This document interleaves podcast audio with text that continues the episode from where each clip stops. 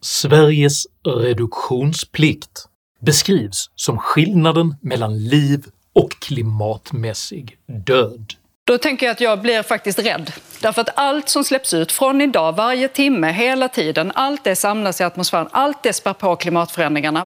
Men vad innebär egentligen reduktionsplikten för klimatet? Hur påverkar reduktionspolitiken ekonomin? Och vad händer med ett samhälle som sätter symbolpolitik före effektivitet? Dessa frågor tar jag upp i veckans video om reduktionsretorik.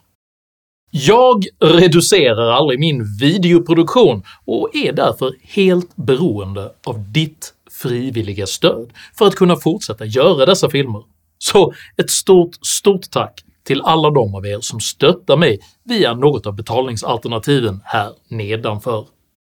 Idag talar jag om retorik, realpolitik och reduktion.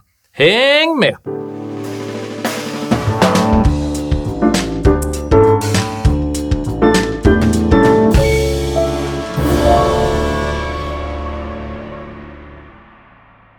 När furst Potemkins annektering av Krimhalvön 1787 visade sig vara ekonomiskt ohållbar lät han inför den ryska kejsarinnans inspektionsbesök resa välmående kulisser längs hela hennes färdväg. Legenden är sannolikt osann, men etablerade ändå begreppet “Batjemkin-kuliss” som en beskrivning av allehanda försök att dölja misslyckade satsningar genom ytliga trick och bedrägerier. Mycket tyder nu på att Sveriges unikt ambitiösa reduktionsplikt utgör just ett sådant ekonomiskt haveri, men som bedrägligt framställs som en världsledande framgångssaga. För vi har ju ledartröja nu, tack vare en kombination av Stefan Löfvens industripolitik och Miljöpartiets klimatpolitik så är ju vi ett av de länderna som ligger längst fram i omställningen. Reduktionsplikt innebär att man minskar drivmedelsutsläpp genom att ställa krav på att drivmedelsleverantörer i allt högre grad måste spä ut bensin och diesel med så kallade biodrivmedel. Detta är ett av Sveriges centrala styrmedel för att nå det nationella klimatpolitiska målet om 70% minskade växtgasutsläpp från inrikes transporter till 2030. Andelen biodrivmedel var därför planerad att reducera dieseln med hela 66% under den kommande sjuårsperioden.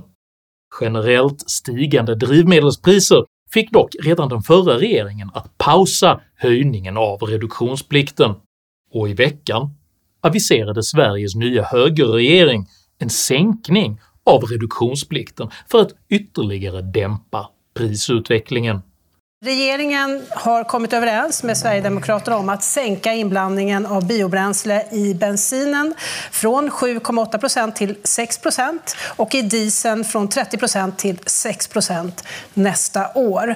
Och om man minskar inblandningen av biobränsle så här mycket så klarar man inte klimatmålet för trafiken till 2030 enligt Naturvårdsverket och Klimatpolitiska rådets eh, tidigare uträkningar.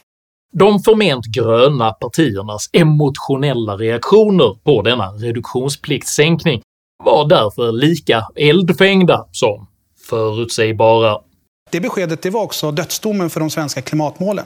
Ni har dött, tagit död på dem, ni har begravt dem och nu är hela svenska folket inbjudna till kaffe i kyrkan efteråt. Vi är mitt i en brinnande klimatkris. Hur ska ni kunna se barnen i ögonen man ökar på dem, den livsfara det innebär för människor både i vårt eget land och i andra länder. Då tänker jag att jag blir faktiskt rädd. Att på detta sätt uttrycka direkt rädsla, begråta svikna barn och med begravningsretorik sörja dräpta klimatmål är dock ingenting annat än cynisk politisk teater, för även biodrivmedlen är nämligen behäftade med enorma kostnader både för samhället och för miljön.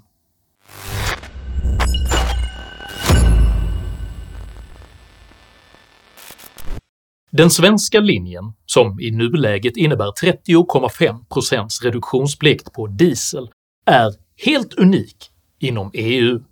Faktum är att inget annat medlemsland ens kommer i närheten av Sveriges siffra. Redan i Transportföretagens rapport från 2020 kunde man se hur Sveriges reduktionsplikt hade skenat till dåvarande 21% medan jämförbara länder låg runt en tredjedel av Sveriges nivå. Det är karaktäristiskt för Sverige att vilja gå före, att visa vägen och att vara världsledande. Men den underliggande resursmässiga och ekonomiska verkligheten gör faktiskt reduktionskalkylen helt omöjlig. Enligt statens offentliga utredning SOU 2023:15 slukar nämligen Sveriges reduktionsplikt ensamt mer än hälften av hela Europas HVO-drivmedel. Sverige har de senaste åren tagit en stor andel av den globala HVO-produktionen i anspråk och Drivkraft Sverige uppskattade att Sverige 2018 använde cirka 30% av den globala produktionen av HVO, eller 55% av produktionen inom EU. Detta innebär att världsmarknaderna alltså har svårt att möta en fullt utbyggd reduktionsplikt. Bara i Sverige. Paradoxalt nog är det Vänsterpartiets ledare Nooshi Dadgostar som är först ut med att öppet erkänna detta. men reduktionsplikten måste sänkas. Det finns inte så mycket hållbara biodrivmedel på världsmarknaden. Sverige har ju pressat upp priserna. Sveriges enorma efterfrågan på biodrivmedel har inte bara drivit upp det globala prisläget utan har även lett till att biodrivmedelsindustrin i allt högre grad har gått över till att utnyttja animaliska slaktrester för att kunna möta drivmedelsbehovet.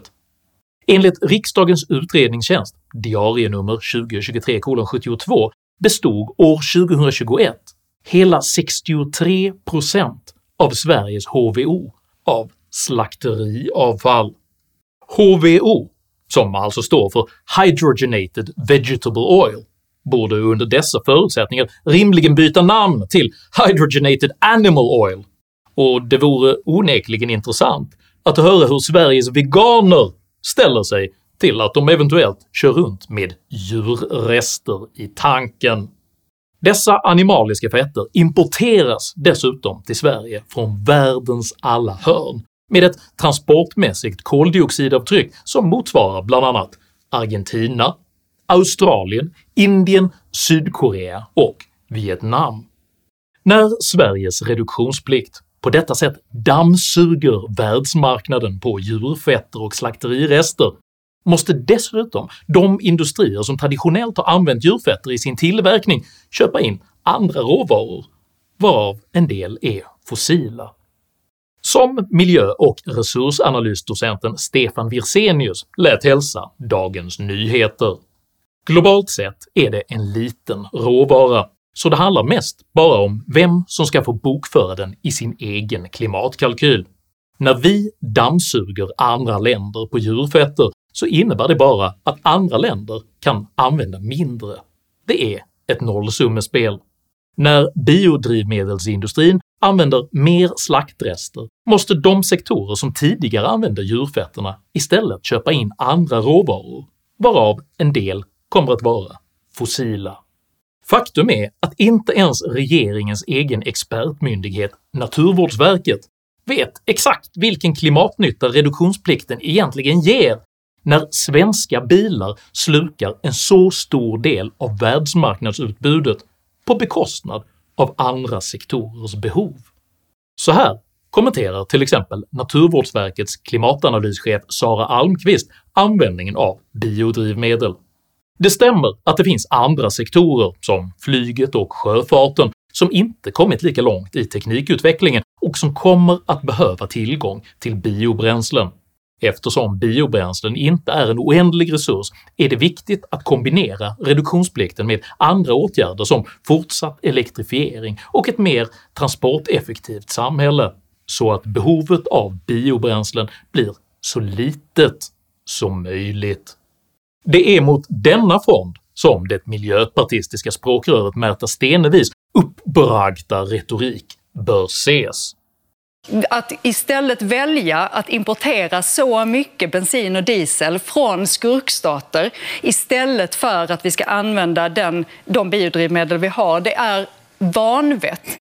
Det verkliga vanvettet är nämligen att bygga sin drivmedelspolitik på råvaror som de facto inte räcker till och sedan allokera dem fel så att eventuell klimatnytta minskar. Faktum är att om övriga EU tog efter Sveriges radikala reduktionsplikt så skulle marknaden drabbas av så akut brist att det sannolikt hade tvingat fram regnskogsskövling för att odla tropiska biooljor. Den realpolitiska konsekvensen av Sveriges önskan att gå före är således animaliska långdistanstransporter, drivkrafter för regnskogsskövling och ökad industriell fossilförbrukning till oklar klimatnytta.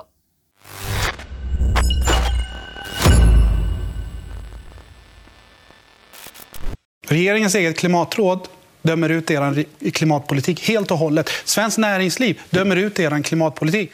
Vänsteroppositionen och Dagens Nyheter gör även ett stort nummer av att det klimatpolitiska rådet och representanter för näringslivet riktar kritik mot regeringens sänkning av reduktionsplikten.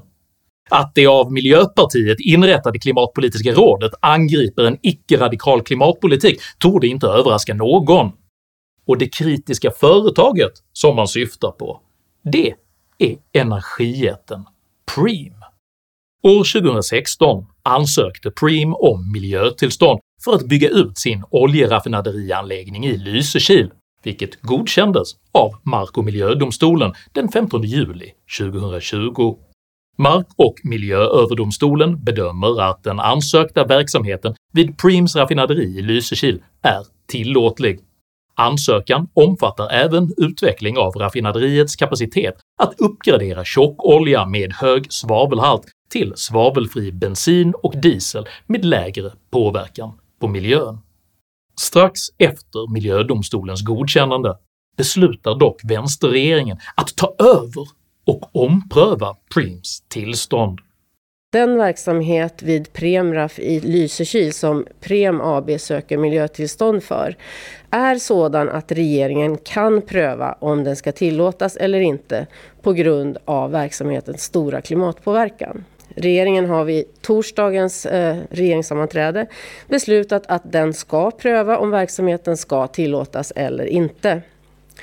Det innebär att det är regeringen och inte Mark och miljööverdomstolen som kommer att besluta i frågan. Strax efter detta drar Preem plötsligt tillbaka sin ansökan helt, vilket klimataktivisten Greta Thunberg beskriver som en enorm seger och Greenpeace Sverigechef Isadora Vironski uppfattar bara ett rent ekonomiskt beslut. Alltså oljeindustrin har gått på knäna länge. Det är eh, tydligt, eh, till och med för tonåringar nu för tiden, att eh, fossilindustrin har ingen som helst framtid. Så att, att, att det inte fanns någon, någonting att hämta i den kalkylen kom ju inte som en överraskning för någon. Detta besked förstärks sedan av dåvarande klimatminister Isabella Lövin som fastslår “När politiken går före och visar vilken riktning vi vill se så kommer investeringarna efter det.” Samma dag avslöjas att Isabella Lövins statssekreterare Eva Svedling veckan innan haft mejlkorrespondens direkt med Preems VD Magnus Heimburg i vilken man utlovade 50 miljarder kronor i klimatpolitiska kreditgarantier. Hon skrev bland annat “Bra om ni hejar på efter publicering såklart. Ikväll klockan 21.00 presenteras satsning på statliga kreditgarantier för stora investeringar i Sverige, 50 miljarder på tre år. En pressad Lövin medger sedan att denna kontakt varit olämplig. Det är ju eh, marknadsmässiga grunder som också regeringens politik ligger till grund för. En, eh, en ökad reduktionsplikt eh, och de här kreditgarantierna. Och på mötet 26 augusti så nämner Preem både att de vill se en ökad reduktionsplikt och att de har ekonomiska hinder för att utöka produktionen av förnybart. Och sen meddelar din statssekreterare Preem båda de här sakerna på förhand. Kan du förstå att du får många frågor om det här idag? Ja, jag kan, jag kan förstå att det, att det ser, eh, ehm, ja, att just den här vänskapliga tonen, att det kan verka eh, någon, olämpligt. Dagen efter kallas både Lövin och statssekreterare Svedling till konstitutionsutskottet, vilket underkänner regeringens agerande som både olämpligt och rättsosäkert. Det första handlar ju om själva övertagandet av tillåtligheten där vi säger att man ska alltid sträva efter att göra det så tidigt som möjligt, helst i första instans istället för att som i det här fallet vänta väldigt länge och vänta på eh, domar innan man tar över ärendet. Det andra handlar om Isabella Lövins uttalanden där hon ju samtidigt som regeringen ska pröva den här frågan uttalar sig om behovet av investeringar i, i fossila bränslen. Och det tredje är just det som handlar om den här kommunikationen på olika sätt mellan enskilda i bolaget och eh, departementet, vilket vi då ifrågasätter lämpligheten i. Domstolarna är ju självständiga och måste få vara det. Så det handlar ju om rättssäkerhet i förhållande till enskilda och till bolag.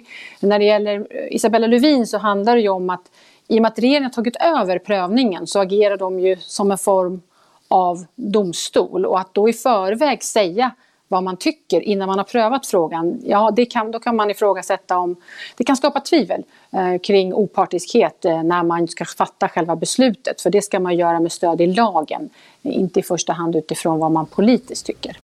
Jag säger inte att Miljöpartiet bak lyckta dörrar mutade ett privat bolag med 50 miljarder kronor i skattemedel i utbyte mot lojalitet till regeringens miljöpolitik.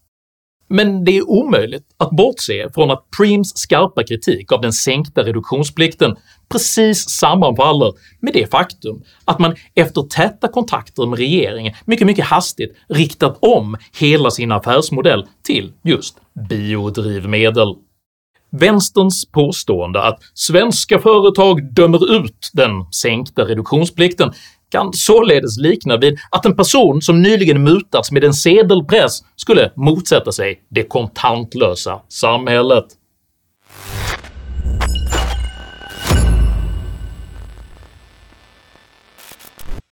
Samtidigt som Sverige på politisk grund slukar allt mer av världens tillgängliga biodrivmedel driver lokala politiker ytterligare på denna utveckling, och i Stockholm kommer man redan nästa år att förbjuda fordon som inte drivs av gas eller el.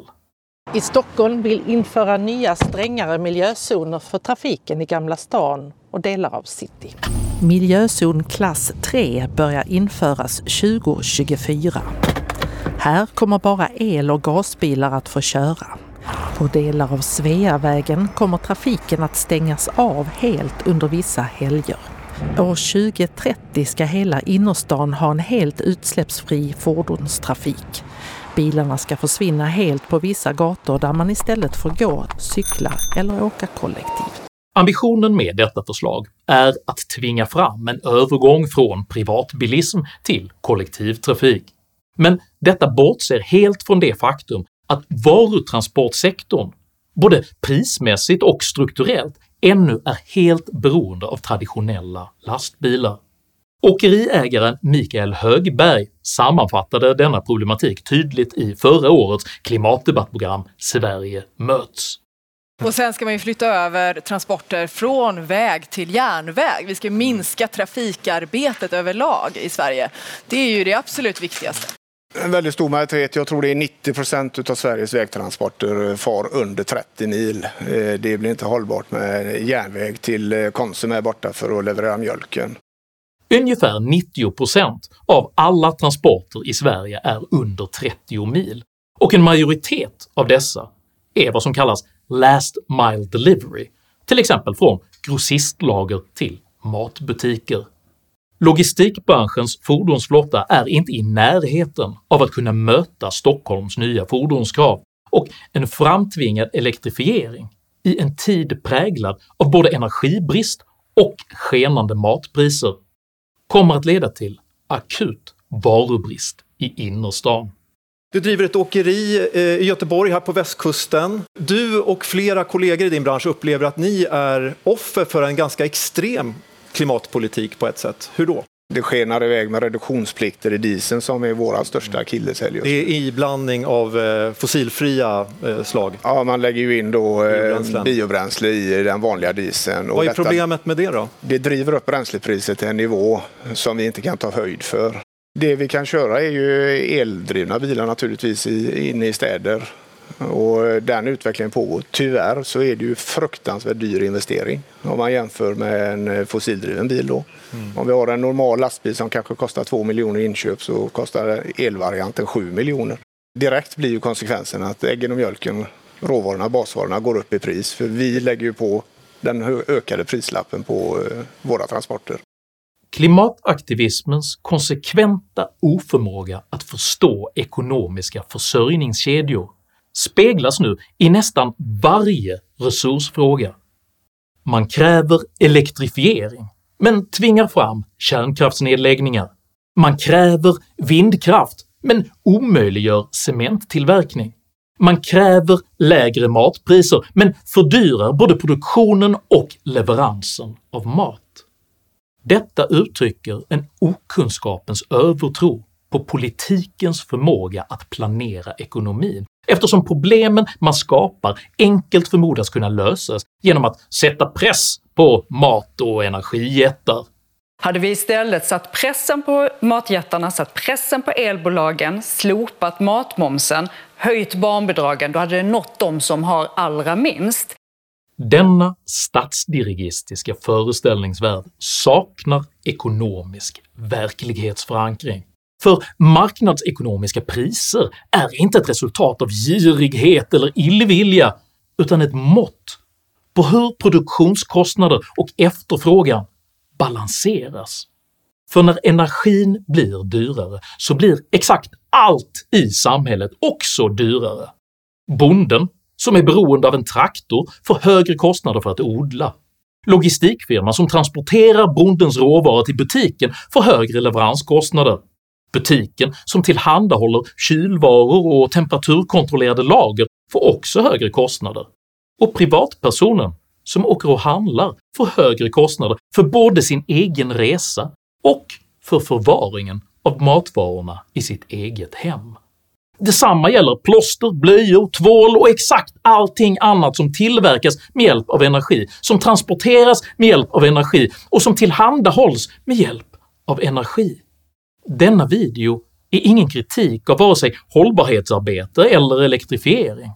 Den är däremot en kritik av den radikala miljöpolitik som från reduktionsplikt till energiproduktion konsekvent driver fram unikt aggressiva kostnadsökningar i samhällsekonomins själva hjärta, och detta med mycket tvivelaktig nytta för miljön.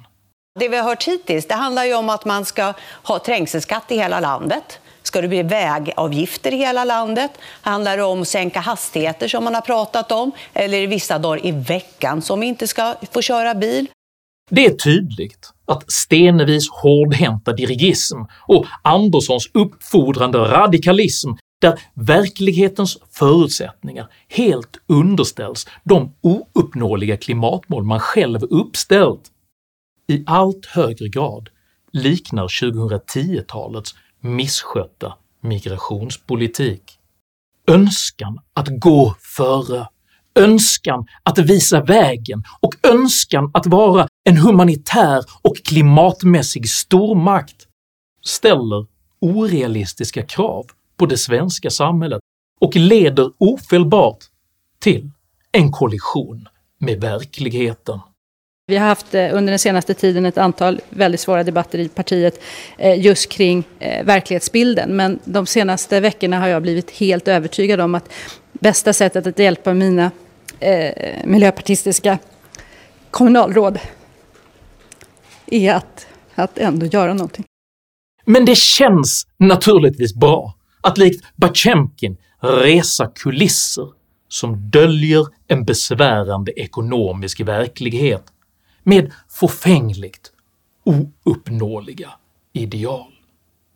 Fast det känns inte bra så länge. Om du uppskattade innehållet i denna video så hjälper det mycket om du delar den med dina vänner och kanske till och med stöttar mitt arbete via något av betalningsalternativen här nedanför. Dela även gärna med dig av dina egna åsikter och erfarenheter i kommentarsfältet här nedanför, men jag ber dig att alltid vara artig. Jag accepterar inte aggression, personpåhopp eller rasism i mina idédrivna kommentarsfält. Tack för att du som kommenterar respekterar detta. Jag heter Henrik Jönsson och jag anser att hållbarhetsåtgärder bör värderas utifrån effektivitet snarare än för sitt symbolvärde.